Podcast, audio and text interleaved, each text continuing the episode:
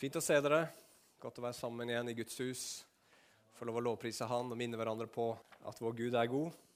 Vi skal eh, fortsette. Jeg er jo glad i sånne lange serier, og det har dere sikkert merka. Og eh, jeg er glad i å, å, å, prøve å gå gjennom bøker i Bibelen systematisk for å gripe og forstå hva Gud vil si oss i sitt ord. Så jeg gir meg ikke. Vi fortsetter på serien 'Guds folk i Guds verden'. Del to å følge Jesus gjennom andre Mosebok. Og Har du med deg Bibel, så kan du slå opp i andre Mosebok, kapittel 15. Og så er det fra vers 22 vi skal lese. Andre Mosebok 15, og så skal vi lese fra vers 22. Vi har jo da hørt historien om israelsfolket som var i Egypt, i slaveri, fangenskap. Og så kom Gud, sendte Moses og fridde dem ut med en mektig hånd. Og Sist gang så snakka vi nettopp om at israelsfolket sto ved Rødehavets bredd. Gud hadde ført dem over på tørr grunn, og så hadde faraos hær, hans eh, blodtørstige bande med ville krigere, de hadde nettopp druknet i havet, og, og israelsfolket sto der og priste Gud på bredden. Og så skal vi lese nå hva som skjedde etterpå det. Andre Mosebok, kapittel 15, vers 22-27. Så førte Moses Israel videre fra Rødehavet. De dro ut i ørkenen Sjur og gikk tre, ørken, tre dager i ørkenen uten å finne vann. Da de kom til Mara, kunne de ikke drikke vann i Mara, for det var bittert. Derfor ble stedet kalt ved navnet Mara. Folket klaget til Moses og sa, 'Hva skal vi drikke?' Så ropte han til Herren, og Herren viste ham et tre. Da han kastet det i vannet, ble vannet friskt. Der la han fram lov og rett for dem, og der satte han dem på prøve. Han sa, 'Hvis dere lytter nøye til Herren vår Guds røst, og gjør det som er rett i Hans øyne,' Hvis dere legger øret til hans bud og holder alle hans lover, da skal jeg ikke legge på dere noen av de sykdommene som jeg la på egypterne. For jeg er Herren, han som helbreder dere. Så kom de til Elim. Der var det tolv vannkilder og 70 palmetrær. Der slo de leir ved vannet. Ja, kjære himmelske Far, bare kommer til deg igjen, Herre, og ber om din visdom og din hjelp, Herre, til å både legge ut ordet, Herre Jesus, og til å forstå det, Gud. Herre, ditt ord er levende, det er virkekraftig, Herre. Uten det så, så er vi eh, uten lys, opp, uten åpenbaring, uten noen rettesnor, Herre. Men vi takker og priser deg, for du har talt, Gud. Du har ikke holdt deg i skyggene og, og, og, og, gjemt deg og skjult din vilje for oss. Nei, Gud, du har talt, og du har talt tydelig, og du har talt klart, Herre, og du har talt gjennom dine tjenere opp gjennom historien, Herre. Og vi får lov, Herre, til å ha dette ordet i en bok i dag, Herre, som vi kan lese når vi vil, Gud. Og Herre, Jeg ber om at du må hjelpe oss å forstå det her, at du må hjelpe oss å gripe det og fatte det. Men ikke bare med hodene våre, men også med hjertene våre, Gud. Så det kan gjøre noe med oss, Herre, og forvandle oss og gjøre oss til de som du vil at vi skal være i Jesu Kristi navn. Bare hjelp oss alle, alle nå, Herre, med din ånd. Amen. Det som er fantastisk synes jeg, med denne historien om israelsfolket, det er jo det at det, det er en utrolig spennende og interessant måte eh, å formidle åndelig sannheter på om det livet vi lever akkurat nå. Gud kunne sagt liksom eh, eh at eh, Han kunne laga en sånn, liksom, en sånn systematisk bok med, med, masse sånne prinsipper. Og Det fins en del prinsipper i Bibelen. Men stort sett forteller Gud historier, og det syns jeg er bra. Det er mye kjekkere med historier enn sånne tørre prinsipper. er det ikke det? Og Nytestamentet er helt klart på at det som skjer med israelsfolket i Egypt, det er et forbilde ikke alltid et positivt forbilde, men et forbilde for oss som er kristne i dag. Det er et eksempel som vi skal følge i noen tilfeller og ikke følge i andre tilfeller. Og Det betyr at på samme måte som Gud redda israelsfolket ut av slaveriet i Egypt under farao, så har Gud på en enda mektigere måte redda oss ut av slaveriet fra synd og død ved en mann som var mye større enn Moses. Så der er det en parallell. Og I tillegg, som vi skal se på mer nå framover de neste søndagene, så er ikke Gud ferdig med Israel etter at han har redda dem. Han ønsker å gjøre mer med dem. Han vil at de skal lære å kjenne han. Han vil at de skal lære å stole på han. Han vil at de skal lære å elske han. Og han vil at de skal lære å lyde han. Og På samme måte så er det med oss også. Hvis du tror på Jesus, hvis du er en kristen som har satt din lit til han, så er du rensa fra all synd. Du har gått over fra døden til livet. Du har gått fra mørke til lys. Du har blitt et Guds barn, men allikevel så er ikke Gud ferdig med deg. Han vil at du skal lære å kjenne han enda mer. Han vil at du skal stole på han enda mer. Han vil at du skal lære å elske han enda mer. Og han vil at du skal lære å lyde ham enda mer. Og det kaller vi med et veldig sånn gammelmodig ord, men som er gått litt i glemmeboka, og som ikke så ofte brukes lenger, det er ordet helliggjørelse. Helliggjørelse. At Gud forandrer og forvandler oss sånn som han ønsker at vi skal være. Og Det er det vi skal snakke litt om i dag og de neste søndagene. I dag så er tittelen 'Fra bitterhet til legedom'. Og Vi skal høre for det første at Guds hensikt er legedom og fred. Nummer to Guds metode er prøvelser. Og det siste punktet mitt er at Guds middel er et tre. Guds hensikt er legedom og fred. Guds metode er prøvelser, og Guds middel er et tre. Så Vi begynner med det første. Guds hensikt er legedom og fred. Ok, Når vi, når vi begynner denne historien her, så må vi forstå litt hva som skjer. Fordi Vi kan lett tenke at her er israelsfolket ute på vandring. De prøver liksom å finne veien til Kanans land. Og så forviller de seg ut i ørkenen. Oi, og der var det ikke vann. Og når de kommer til vann, så havner de ved en bitter kilde. Og så var de liksom så uheldige på den vandringen gjennom ørkenen. Men det er ikke det som skjer. Når vi leser andre Mosebok, litt tidligere i boka, så ser vi at straks de kommer ut av Egypt, så gir Gud dem en hjelp til å finne veien.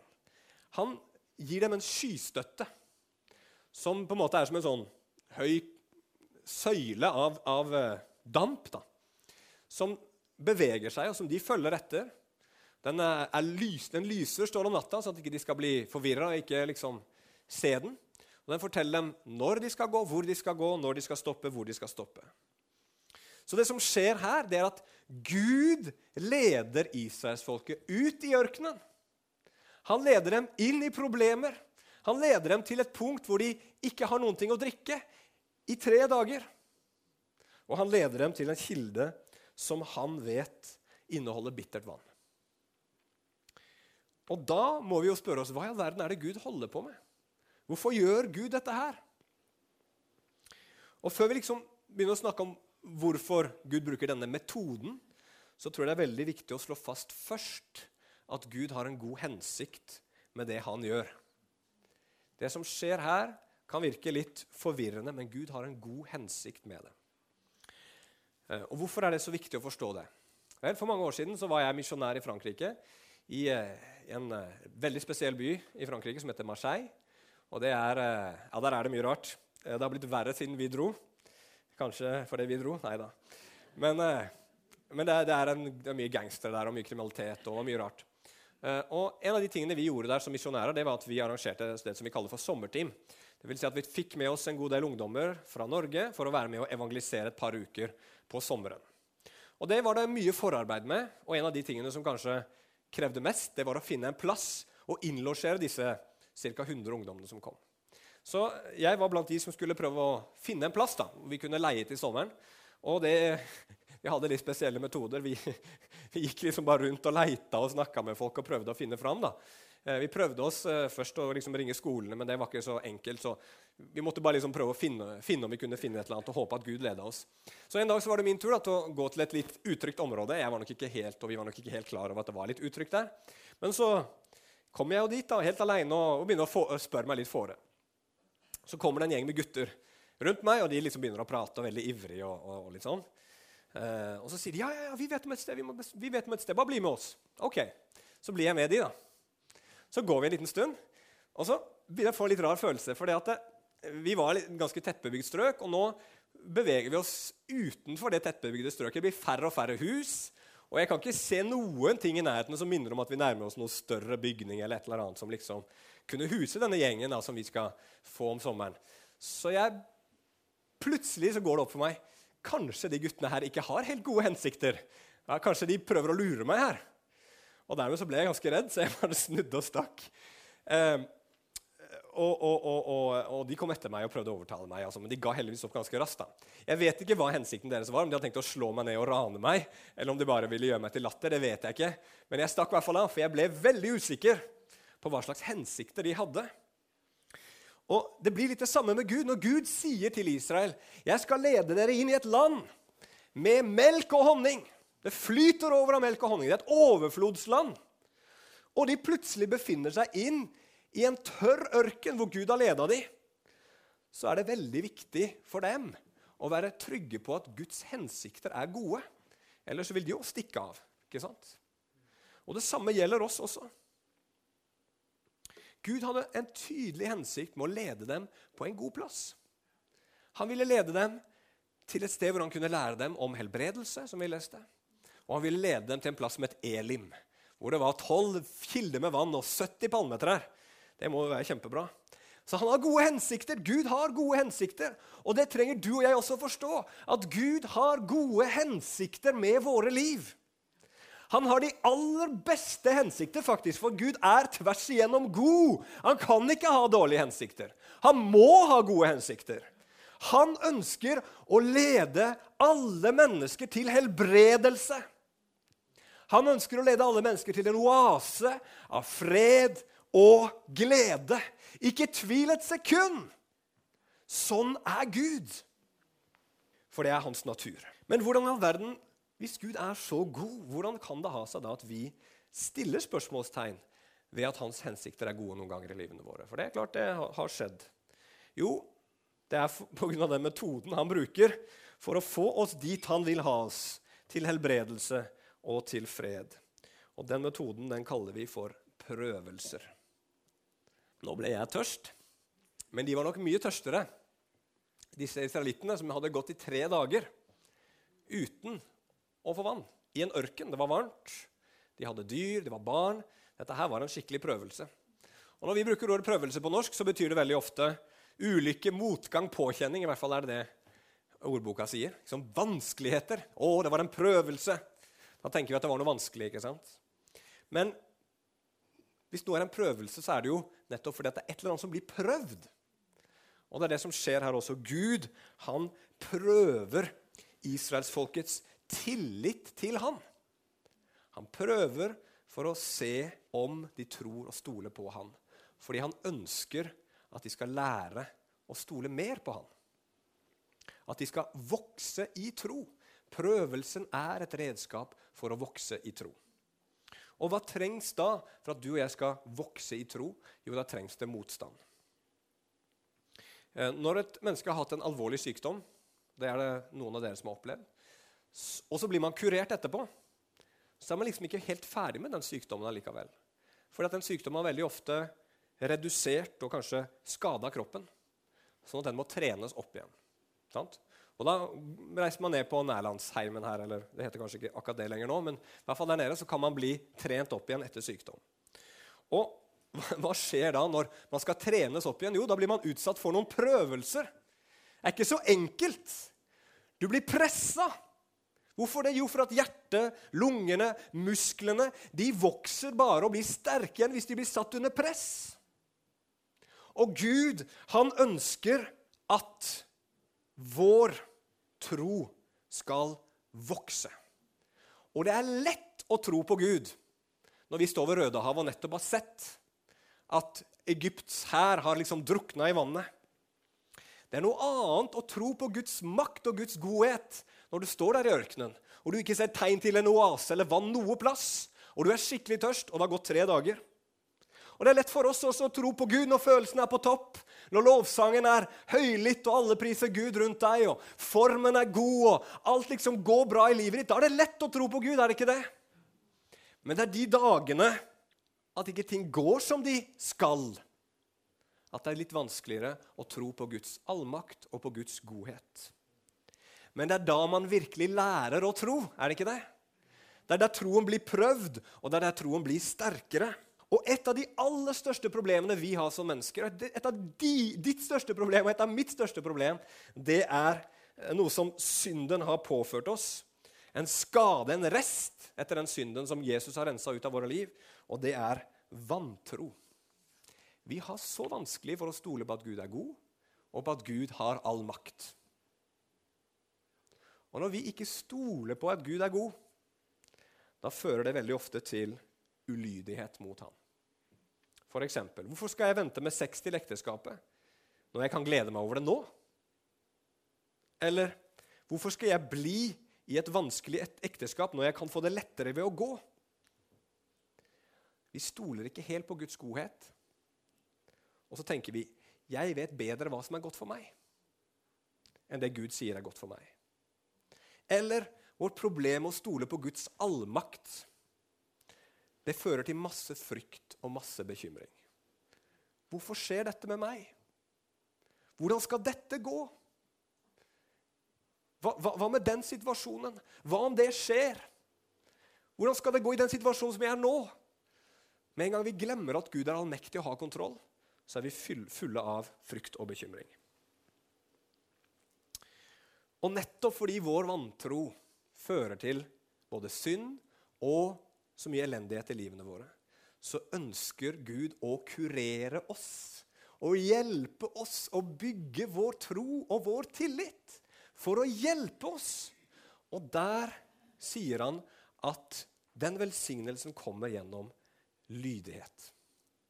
I vers 26 her så sto det Hvis dere lytter nøye til Herren vår Guds røst, og gjør det som er rett i Hans øye, hvis dere legger øret til Hans bud og holder alle Hans lover, da skal ikke jeg legge på dere noen av de sykdommene som jeg la på egypterne.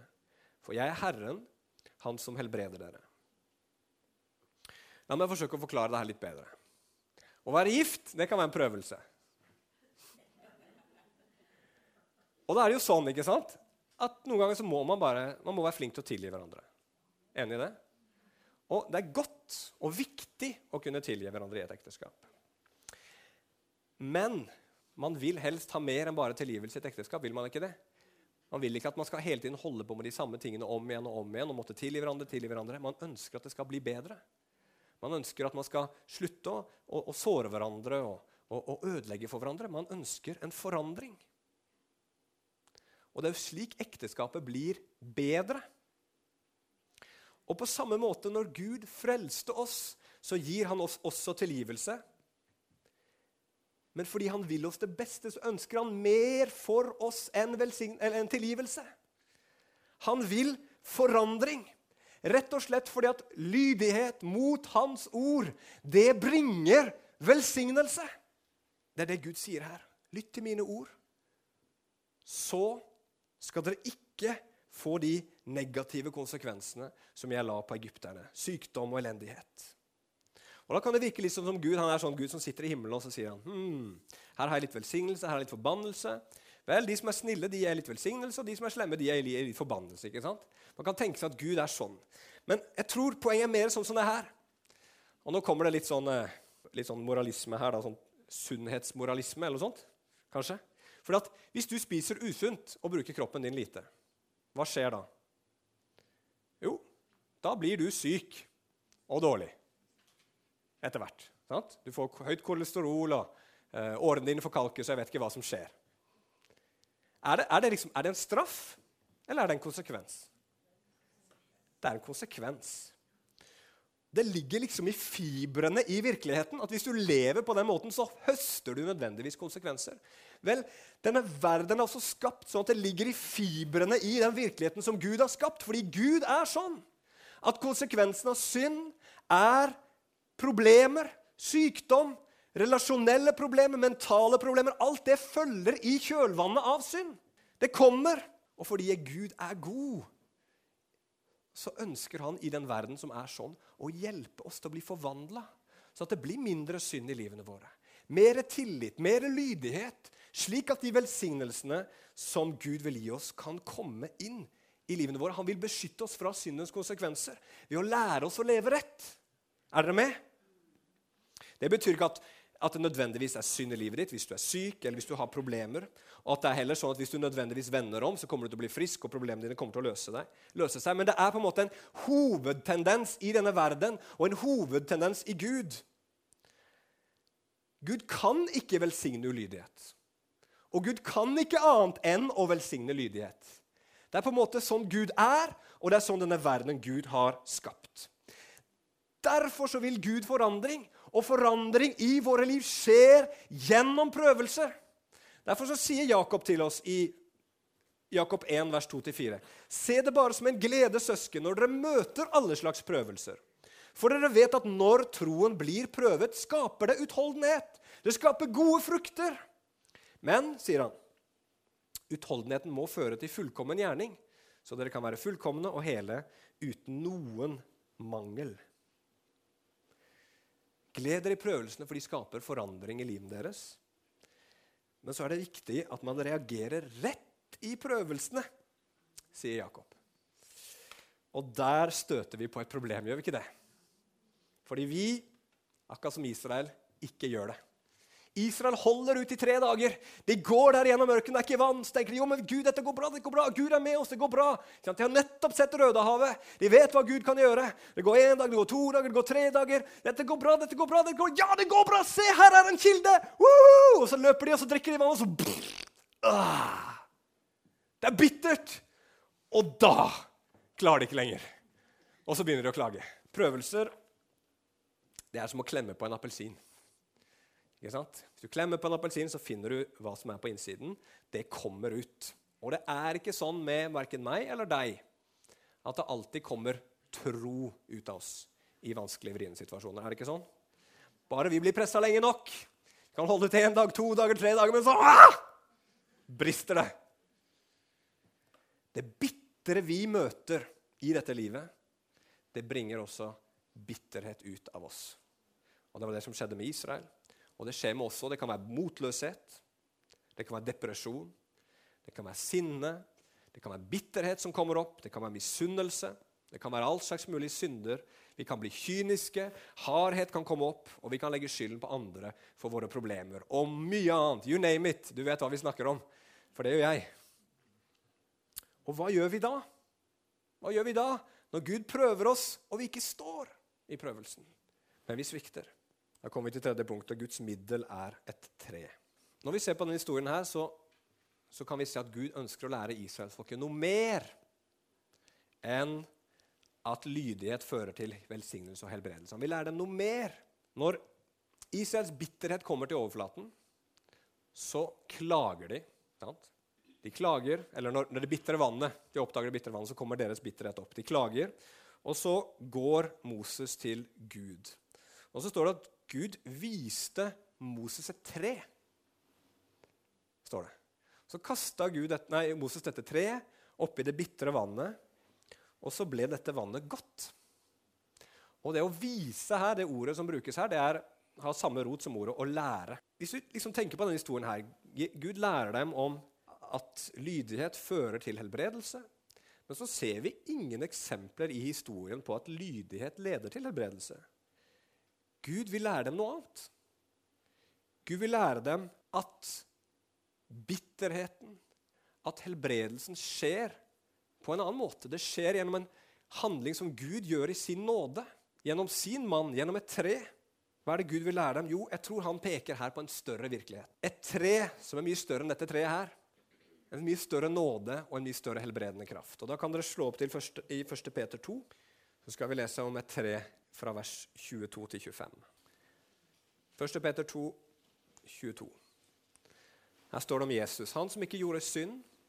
Heller ikke ble det funnet svik i hans munn. Da han ble hånet, hånet han ikke igjen. Da han led, truet han ikke, men overlot seg selv til ham som dømmer rettferdig. Han som selv bar våre synder på sin egen kropp opp på treet, for at vi, døde fra syndene, skulle leve for rettferdigheten. Ved hans sår ble dere lekt. For dere var som sauer som hadde forvillet seg. Men nå har dere vendt tilbake til hyrden og tilsynsmannen for sjelene deres. Han som selv bar våre synder på sin egen kropp opp på tre. Samme ordet. Og så kommer løftet om helbredelse.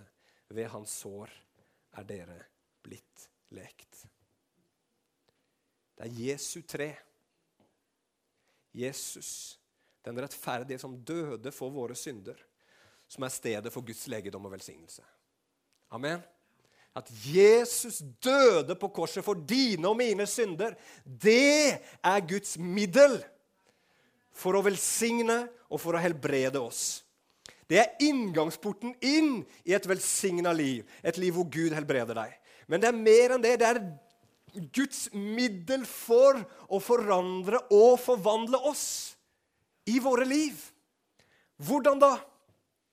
Jo, for Gud han fører ikke bare deg og meg inn i prøvelser for at vi skal lære å stole på han, men for at vi også skal lære å stole mindre på oss selv. Gud han vil at din synd og din svakhet skal komme til overflaten i livet ditt.